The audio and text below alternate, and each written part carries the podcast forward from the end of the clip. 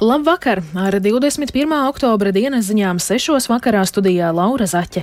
Vispirms ieskats tajā, ko vēstīsim. Gazas joslā no Ēģiptes ievesta humānā palīdzība. Rīgā turpinās drošībai un starptautiskajai politikai veltītais fórums Rīgas konference. Daudz neskaidrību saistībā ar ieceri par Krievijā reģistrētu auto konfiskāciju Latvijā. Par šiem un citiem tematiem plašāk ziņu turpinājumā.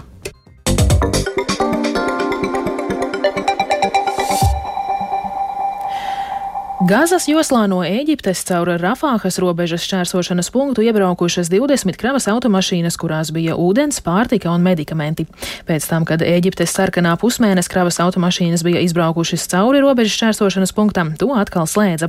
Tās ir pirmās humanās palīdzības kravas, kas Gazā nonākušas kopš Izraēlas un teroristiskā grupējuma Hamas kara sākuma. ASV, Francija un Spānija jau ir paudušas, ka iespējai nogādāt Gazā humāno palīdzību ir jābūt pastāvīgai. Tikmēr amerikāņu laikraksts Wall Street Journal vēsta par slepenām sarunām, kurās tika panākta divu ķīlnieču ASV pilsoņu atbrīvošana no Hamas gūsta, stāsta Rustams Šukūrovs. Vismaz pirmo kara nedēļu Hamas nevēlējās iesaistīties sarunās par ķīlnieku atbrīvošanu. Laikraksta materiālā arī norādīts, ka sākotnēji Hamas un grupējuma Islāma džihāds pārstāvji pat nezināja, kur atrodas visi Izraēlas teritorijā sagrābtie ķīlnieki. Tas esot skaidrojums ar to, ka vairākus ķīlniekus sagrābā ar teroristu grupējumiem nesaistītie cilvēki, kas Hamas uzbrukuma laikā izlauzās cauri žogam uz robežas ar Gazas joslu. Tāpat laikraksta materiālā arī minēts, ka sarunās par ķīlnieku atbrīvošanu tika izvirzīts jautājums par ūdensapgādes nodrošināšanu un humanitāro kravu piegādēm Gazas joslā. Saskaņā ar laikraksta avotu teikto, sarunās, kurās ir iesaistītas ASV, Izrēla un Katara, un kurās tika apspriesta 50 ķīlnieku atbrīvošana, vienošanos panākt nav izdevies. Hamas arī šodien ir paudis, ka grupējums varētu atbrīvot daļu Izrēlā sagrābto ķīlnieku, ja Izrēla pārtrauks militāro operāciju pret grupējumu.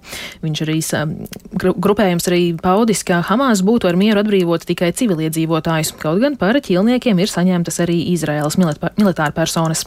Kā vēstā Izrēlas armija, Hamas gūstā ir 210 cilvēki, nevis 201, kā ziņots pirms tam. Ukrainas spēki pastiprinājuši uzbrukumu uz Krievijas karaspēka pozīcijām Helsonas apgabalā un veikuši reidus Krievijas okupētajās austrumu krasta teritorijās. Izskanējis, ka Kijava cenšas nostiprināt pozīcijas iepriekš Krievijas spēku kontrolētajā Dņepras kreisajā krastā, jo plāno tur apjomīgu ofensīvu. Savukārt, kā vēsta ASV militārā domnīca Kara izpētes institūts, Krievija sākusi jaunu ofensīvu pie Avdijivkas, lai gan tur piedzīvo smagus zaudējumus. Šodien Latvijas Nacionālajā bibliotēkā turpinās drošībai un starptautiskajai politikai veltītās diskusijas fórumā Rīgas konference. Fórumā amatpersonas un eksperti diskutē par aktuālajiem globālajiem izaicinājumiem, tostarp informācijas kāru Krievijas izvērstā pilna mēroga kara pret Ukrainu kontekstā. Viens no galvenajiem šīs diskusijas secinājumiem - uzvara cīņā pret dezinformāciju ir pielīdzināma uzvarai kaujas laukā. Turpina Rustams Šukūrovs.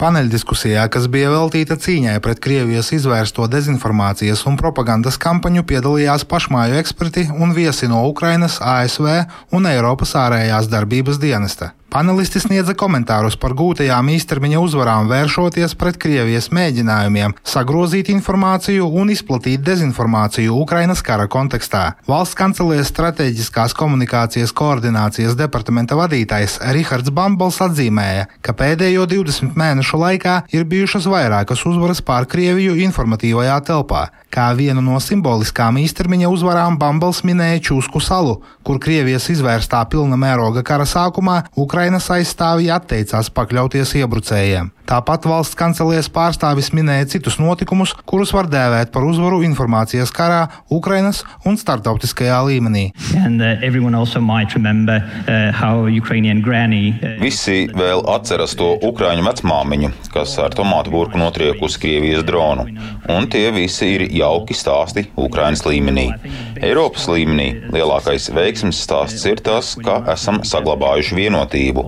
Krievija domāja, ka mēs visi ķīvēsim tiksimies savā starpā par to, ko darīt, bet visi bija vienoti, un mēs joprojām esam saglabājuši šo vienoto nostāju gan valstīs, gan valdībās, un arī sabiedrībās, kas joprojām izrāda lielu atbalstu Ukrainai. Savukārt Eiropas ārējās darbības dienesta strateģiskās komunikācijas un informācijas darba grupas priekšsēdētāja vietnieks Jurgis Vilčinskas atzīmēja, ka Krievijas izvērstā kara Ukrainā dēļ Eiropas Savienība pārstāja vienkārši sekot līdzi citu valstu informācijas manipulācijas gadījumiem, bet ir sākusi rast risinājumus šo manipulāciju apkarošanai politikas līmenī. Mums ir digitālo pakalpojumu akts, kas faktiski ļaus mums cīnīties pret Krievijas un citu valstu dezinformāciju sociālo mediju platformās. Ja runājam par rīcību, tad viena būtiska uzvara patiesībā ir sankcijas.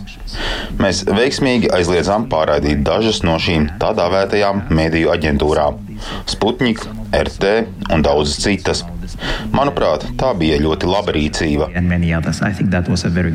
Vilčinskas arī norādīja, ka daudz sekmīgākai dezinformācijas un sagrozīto vēstījumu apkarošanai visos līmeņos Eiropas Savienībai vajadzētu izveidot atsevišķu tīklu, kas varētu sniegt viltus ziņas, atspēkojošo informāciju. Rustams Šukurovs, Latvijas Rādio.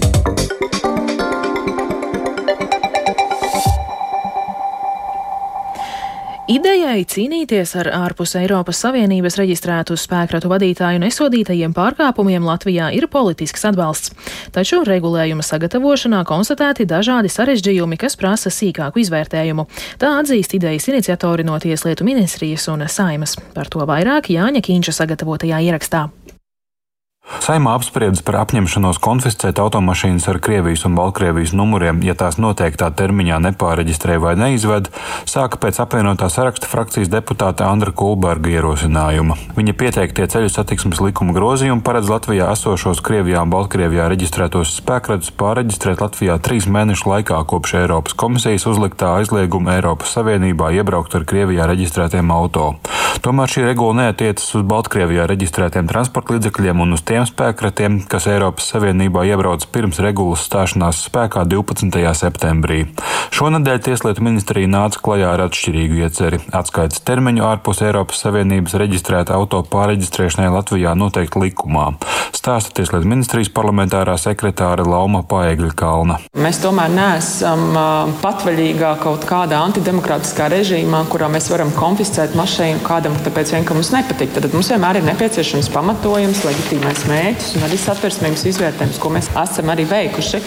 Un tādēļ tas uh, atskaites punkts ir likuma spēkā stāšanās brīdis, kurā ir noteikts periods, kurā šie transporta līdzekļu īpašnieki var sakārtot savas attiecības arī ar Latvijas valsti, tātad kļūt redzamiem. Vienlaikus Latvijā pāreģistrēt ārpus Eiropas Savienības reģistrētu auto liedz atšķirīgu skaitīgo izmešu normas. Savukārt cilvēkiem no trešajām valstīm ar humāno vīzu nav iespēja savu auto pāreģistrēt Latvijā, jo viņiem te nav personas koda. Tomēr problēmai ar ārpus Eiropas Savienības reģistrētu auto pieļautajiem pārkāpumiem un nesamaksātajiem sodiem ir pievērsta plašāka uzmanība.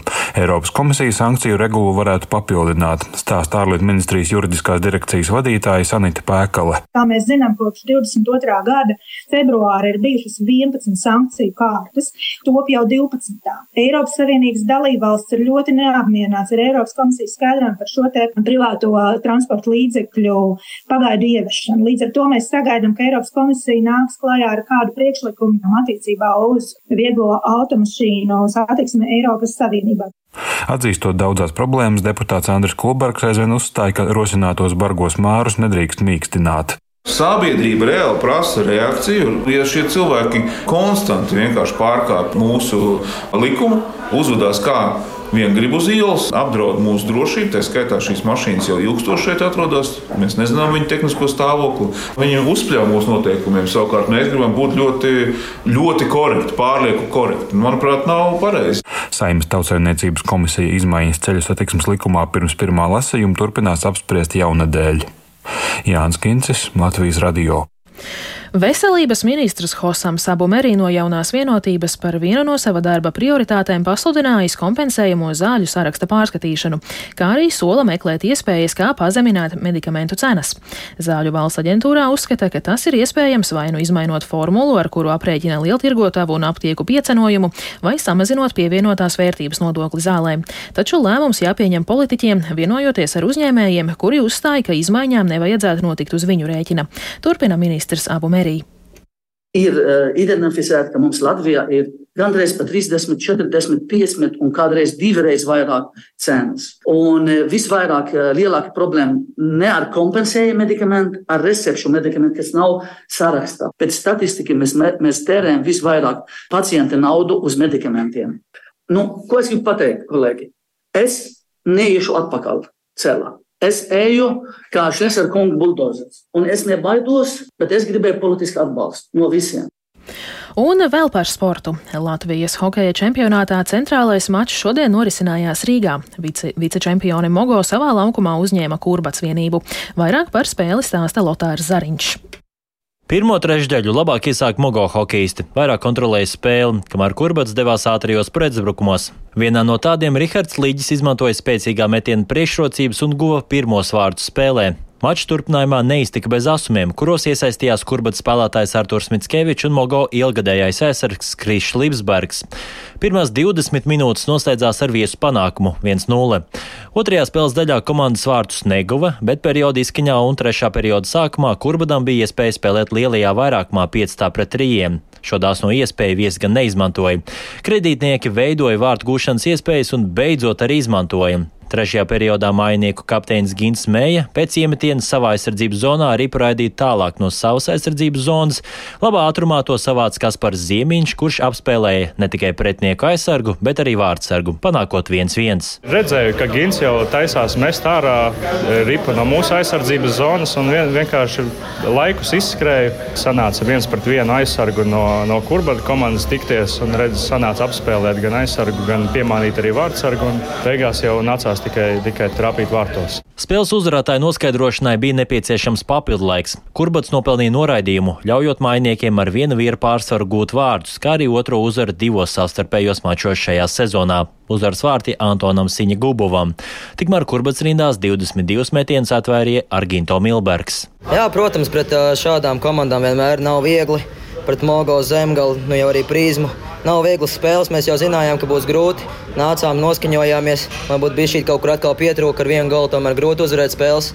Bet kopumā man liekas, bija interesanti spēle un uh, mazliet, mazliet pietrūka. Līdzīgas spēles, man liekas, gan faniem, gan arī mums pašiem ir interesantāk. Ja tur brauc pa kādam pāri, tas nav tas, nav tas hokejs. Ar šī tādu hokeju mēs spēlējam, mēs mīlam, un tas ir uh, tāpēc, kāpēc mēs spēlējam hokeju. Lai gan 170 cm garais Milbergs ir turnīra īsākais spēlētājs, starp vārdsargiem viņš ir labākais gan atvērtītajos metienos, gan vidēji vismazāk ielaistajos vārtos mačā. Es vienmēr esmu paticis spēlēt hokeju, man nav bijuši nekad neesmu jūties sliktāks par citiem vai vēl kaut kā kādā ziņā. Pēc cik es skatos, pats man baigi daudz pa gaisa gols neiemet, tāpēc to nevar baigi salīdzināt. Bet, uh, protams, ir grūtāk kādās epizodēs jāspēlē savādāk, bet es nejūtos, uh, ka būtu sliktāks par kādu vai nevarētu spēlēt šajā līmenī. Ja dod spēlēt un aiziet, viss kārtībā. Kurbats un Mogo dueļi nekad nav likuši vilties. Pie tam komandas trīs reizes tikušās Latvijas čempionāta finālos. Pēdējo reizi 2019. gadā pie uzvaras pirmo reizi tiekot Kurbats komandai.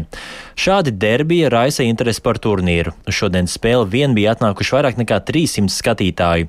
Pērn tikai Mogo un Zemgals duelis raisīja interesi skatītājiem. Atzīst arī bijušais Zemgals kluba spēlētājs, tagad Mogo pārstāvis Kaspars Ziemiņš. Vienlīdzīgas spēles vienmēr uzkurina katru spēlētāju. Protams, eh, jāatzīst, ka pagājušā sezonā, kad spēlējām pret Somijas komandām, nu, tas hokejs bija ļoti ātrs. Nebija daudz laika domāt šeit. Eh, viennozīmīgi ir eh, jāpielieto vairāk domāšana un meistarība, lai apspēlētu pretiniekus. Varbūt tās lieku reizi nevajag ieskrieties, skriet pa daudz. Bet katrā ziņā, protams, ir ļoti interesants spēles, ir arī nedaudz vieglākas, bet uzskatu, ka, ka līmenis tomēr ir audzis salīdzinoši vismaz ar pagājušo gadu noteikti. Tā kā spēles ir interesantas. Un, ir arī ļoti, ļoti izbaudāms hokejs. Līdz ar panākumu Mogo pakāpusies vieta augstāk turnīra tabulā, tagad ieņemot otro pozīciju, apsteidzot šodienas pretinieku. Sezonas turpinājumā interģējošu dueļu netrūks. Notārs Zariņš, Latvijas radio. Ar to izskan 21. oktobra dienas ziņas. Producents Edgars Kupčs par labskaņu rūpējās Uldis Grīnbergs un Iveta Zvejniece, bet studijā Laura Zaķe. Vēl tikai par gaidāmajiem laikapstākļiem.